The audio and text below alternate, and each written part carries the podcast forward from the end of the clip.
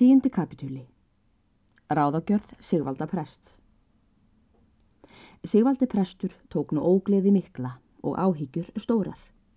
Vakti hann laungum um nætur í kvílu sinni og varð ekki svefns auðið, þá er aðrir menn sváfu. Ekki vissum en gjörla hverju það sætti. Hugðu sumir að hann hefði tekið að krankleika nokkur en enginn þorði eftir að inna. Gekk svo fram um hríð að prestur var fámáll og áhyggjufullur.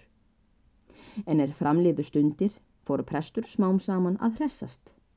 Skipti þá mjög í tvö horn um lundarfar hans, að nú gjörðist hann hinn gladasti og leik við hvert fingur sinn. En jafnan, síðan þegar hjálmar áttust við, gætti hans fóð til að ekki gafst heim þórarni og sigrúnu færi á að finnast eða talast við annað en það sem hver mátti heyra. Það var eitt skipti, nokkuru eftir það að prestur hafði tekið aftur gleði sína að hann var stattur í stofu. Satan þar við borðið og las bref nokkurt. Ekki voru fleiri þar í stofunni nema Guðrún Ráðskona og fæði tindiska. En en prestur hafði lesið brefið, brítur hann það saman, tekur síðan Guðrúnu tali. Og nú vil ég, segir hann, að þú lítir eftir nærfötum og klæðum þórarins máksmíns og hafir þau hrein og á reyðum höndum, hvenar sem til þarf að taka. Guðrún svarar að svo skuli vera. En hverju sætir það, segir hún, að þér innið til um slíkt og eru þér ekki vanur, bróðuri minn, að hlutast til um þess konar eða spyrja um þjónustubróð karlmanna. Prestur sannar það satt vera en því aðeins hlutast ég nú til um þetta mál, segir hann, að mér þykir miklu varða að allt verði greiðilegt um afgreðslu fata þórarins. Því nú er það skjótast af að segja að ekki mun vera hans híðanaf verða hér til langframa um stund og er burt fyrir hans ráðin eftir fáa daga. Eða mun ekki sá bestur að hann leiti híðan um hríð. Guðrún róðunaði við og segir Svo er nú komið að ég mun láta mig litlu varða hvert á land hann fer.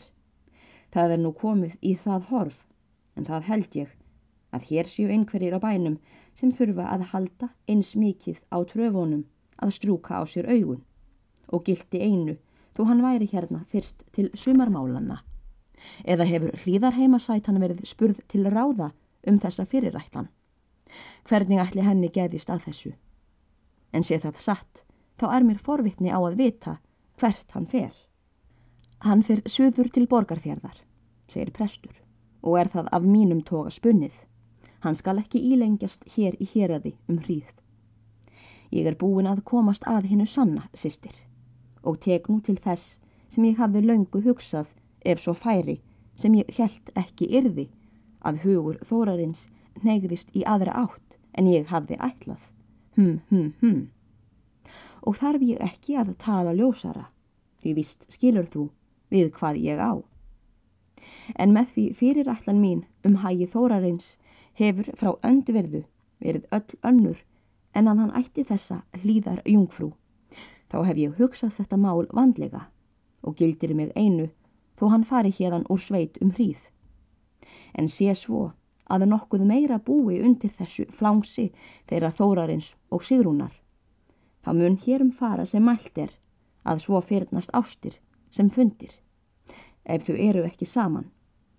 En það mun ég búa svo um hnútana að annað port skal Sigrún ekki verða hér í sveit að langdvölum eða þó hitt heldur að hún þurfi að giftast.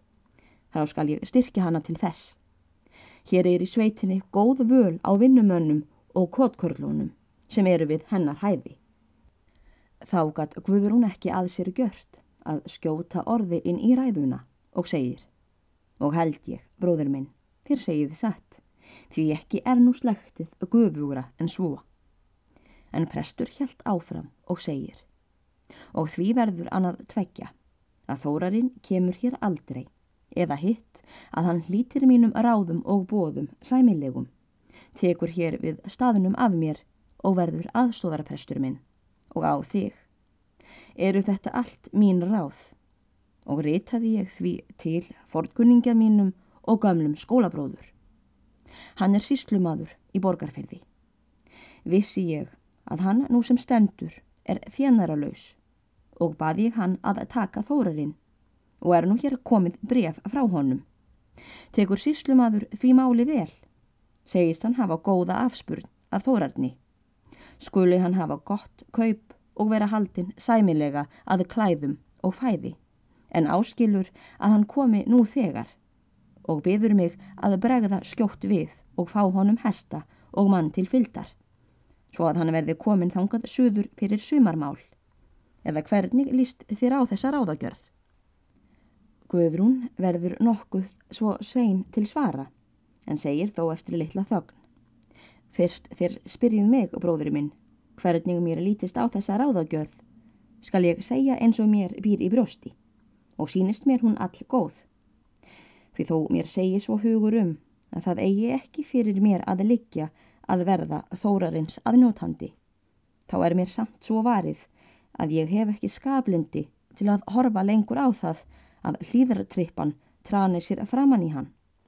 Og skulu þér vita að sumir hafa ekki ætíð verið með hýrri há eða heilið innanrifja síðan hún var tekin hingað í vetur, sem aldrei skildi verið hafa og séð hvaða dálæti sumir hafa haft á henni, þó sumir kannist ekki við það. En ekki veit ég hvar sumir geta litið á hanna til þess að sjá á henni fegurðina og kostina sem ekki á að vera á sumum en það er þá ekki þar fyrir. Sumir geta þó þóst og góðir fyrir suma og ekki ætla ég mér að ganga með grasið í skónum eftir neinum sem þykjast of góðir fyrir mig. Tímin og lægið vinnur það en þólinnmæðina verður að hafa. Já, þér sögðuð svo um árið, þér munið hvað þér lofiðuð mér þegar ég fór til í þar, en hvernig fór það og var þó lengra komið, sagði Guðrún og allir það fari ekki líkt enn. En hvað um það er? Ég vil allt til vinna að horfa ekki upp á það lengur. En eru þér nú viss um að þórarinn vilji fara þangað þuður og hvað lengi á þessi drós að sitja hér? Hún verður hér til krossmessunar, segir prestur, eins og lofað var. Ég verð að eiga vingott við þau hlýðarhjón að svo stöttu. Maður verður að hafa fleira en eitt járnið í eldinum En ég tala nú ekki meira um það að þessu sinni. Það kemur fram síðar, ef ég lifi. En svo ég svari hinnu sem þú spurður um. Þá er ég vissum að þórarni mínum mun þykja þetta ráð físilegt sem honum er bóðið.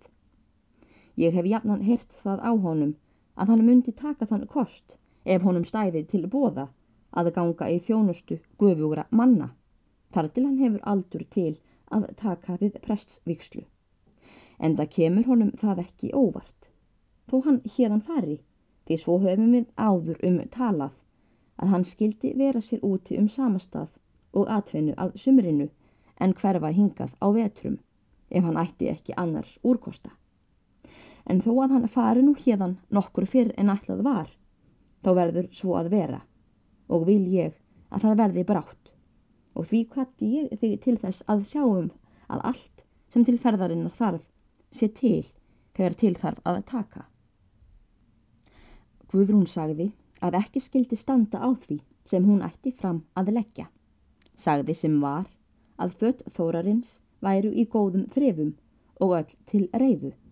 Að sönnu væru nokkur nærfött í þvotti en ekki myndi á löngu líða áður þau yrði þurr. Tvennir nýjir sokkar er honum voru ætlaðir væru enn óþæfðir en einhver vinnumanna skildi þegar að næsta kvöldi þæfa þá. Þessu næst sagði prestur hvernig hann ætlaði að haga ferðinni og hvað hann vildi til hennar leggja. Sagði hann að maður skildi fara með þórarni. Svo skildi og sjóða ein sögðarskamrið og nokkra magála. Láta saltað smjör í dall og baka kökur og láta það allt ráðvíslega í malsekk einn skildi þetta vera nesti fyrir kompána. Hvaðist ráðskona myndu sjá fyrir því eftir fyrirskipun prests og að því skildu þau talið og sást það á að Guðrúnu líkaði þessi tilhugun all vel. Næsta dag eftir kom prestur að máli við þórarinn og sagði honum fyrirætlum þessa og tjáur honum frá brefi síslumanns og segir honum hverju honum er heitið. Sátu fyrir lengi, dags, tveir á tali í stofu en ekki segir af því hvað þeir rættust við um þetta mál. En hvort er þeir töluðu það lengur eða skemur, þá lauk svo að brottfur þórarins var ráðinn.